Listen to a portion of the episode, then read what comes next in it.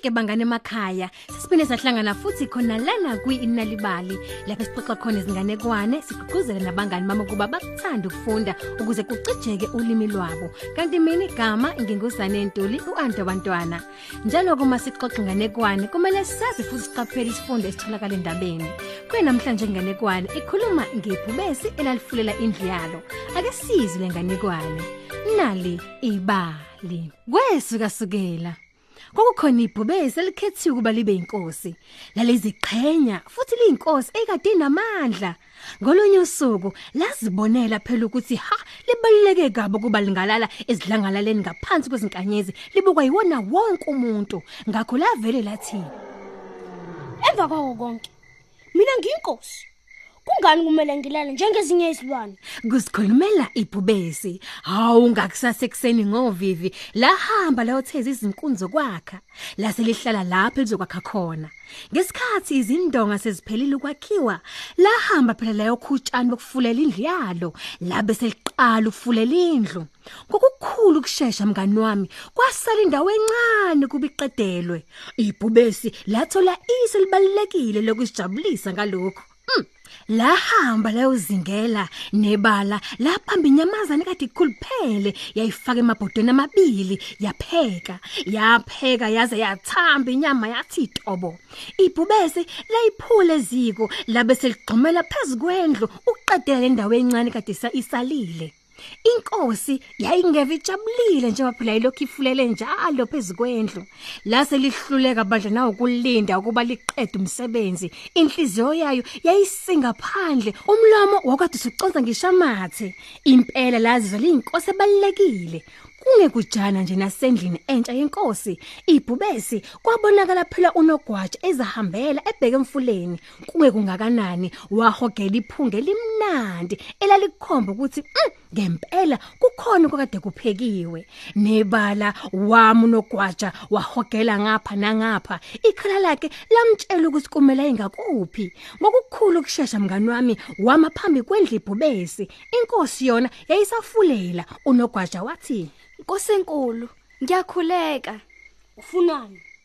Angiqondile ukukwedelela Nkosi yami, kodwa ngiphatheka kabi kakhulu ukuthi kumele usebenze kanzima kangaka ekubeni uyinkosi engonyama. Ngizwa kukubi ukuthi asizange nje sizofaka isandla silelele ekwakheni indlu yakho. Bengicela bandla ukusiza ngiqedele lokho esekusele. Kuzongithokozisa kakhulu. Kushe unogwaja mngani wami ecabanga isilokuthi konje uzoyiheka kanjani inkosi ukuze adle lenyama ephekwe emabhodweni. Kulungile. Woza. Ngena ngaphakathi eqhugwaneni lami. Khona uzongisiza ngigibele khona kulesi sihlalo. Ubambe nayi inaliti engizokunika yona.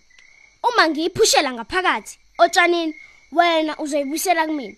Sheshake. Kulayeza inkosi ubhubesi yaqhubeka bandla nokusicabangela yathi Ngizoshesha ukuqeda.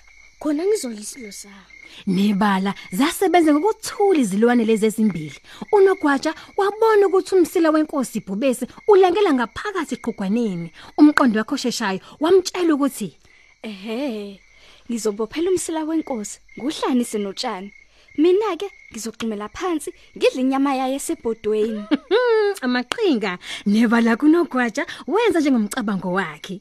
Ngesikhathi inalidi phela ibuya ngaphakathi, unogwaja yena wayethungela umsila ngotshani ngaphambi kokuba phela abuyisele inalidi emumva. Ngokusheshsha ibhubesi labuza lathi Nogwaja. Kungani umsilo wami uluma kangaka? Engabe ungaphezulu kwami? Oh, ngicela ukukunwayela wona. Bangani bami kwaphendula unogwaja wabe semnwaya phela umsila lo webhubesi wabophela kakhulu manje ngoba phela wayekade senayo imvume yokuthinta esenesiqiniseko sokuthi ubophekile ngempela futhi nebhubesi ngeke lisakwazi nokunyakaza unogwaja waqhumela phansi waqonda ngqo emabhodweni Hey wena, lamadlewana amakhulu. Ucabanga ukuthi wenzani? Ngiyacela, asikho isidingo sokuthukuthela. Ngifuna nje ukwazi ukuthi inhlobonye yenyama leconsisa amathe ephekiwe lapha ebhodweni. kwaphendula unogwaja esho dade evula isidikiselo sebhodwe Eyami lo nyama. Ngakho iyeke. Uthini ngalele linye ibhodo? Naleyo futhi eyami. Ingalinge nje ucabanga ukuthi eyakho.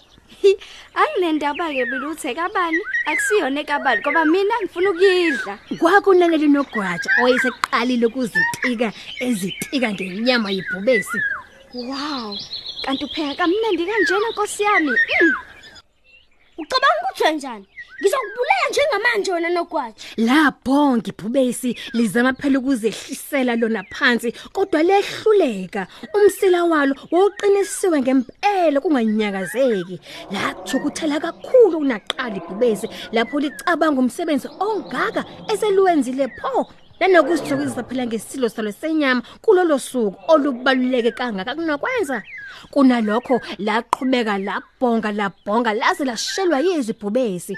Ingekho nento kade lingayenza ngaphandle kokuba libukele unogwaja eyitika ngenyama yakhe.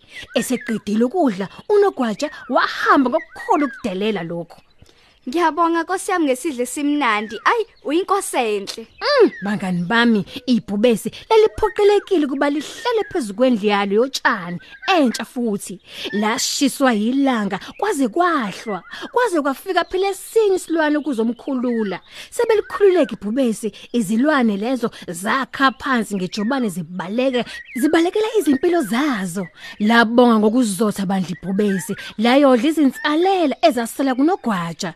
Ibhubesi lona lafunga logomela ukuthi liyombamba ngelinye ilanga unogwaja limfundisa isifundo selize nje liphupha ngalolo suku ibhubesi. Unogwaja waba senkingeni yokuhlushwa isisu esibuhlungu kwaba sengathi esiswini sakhe ukhahlelwa maduba yikhulu.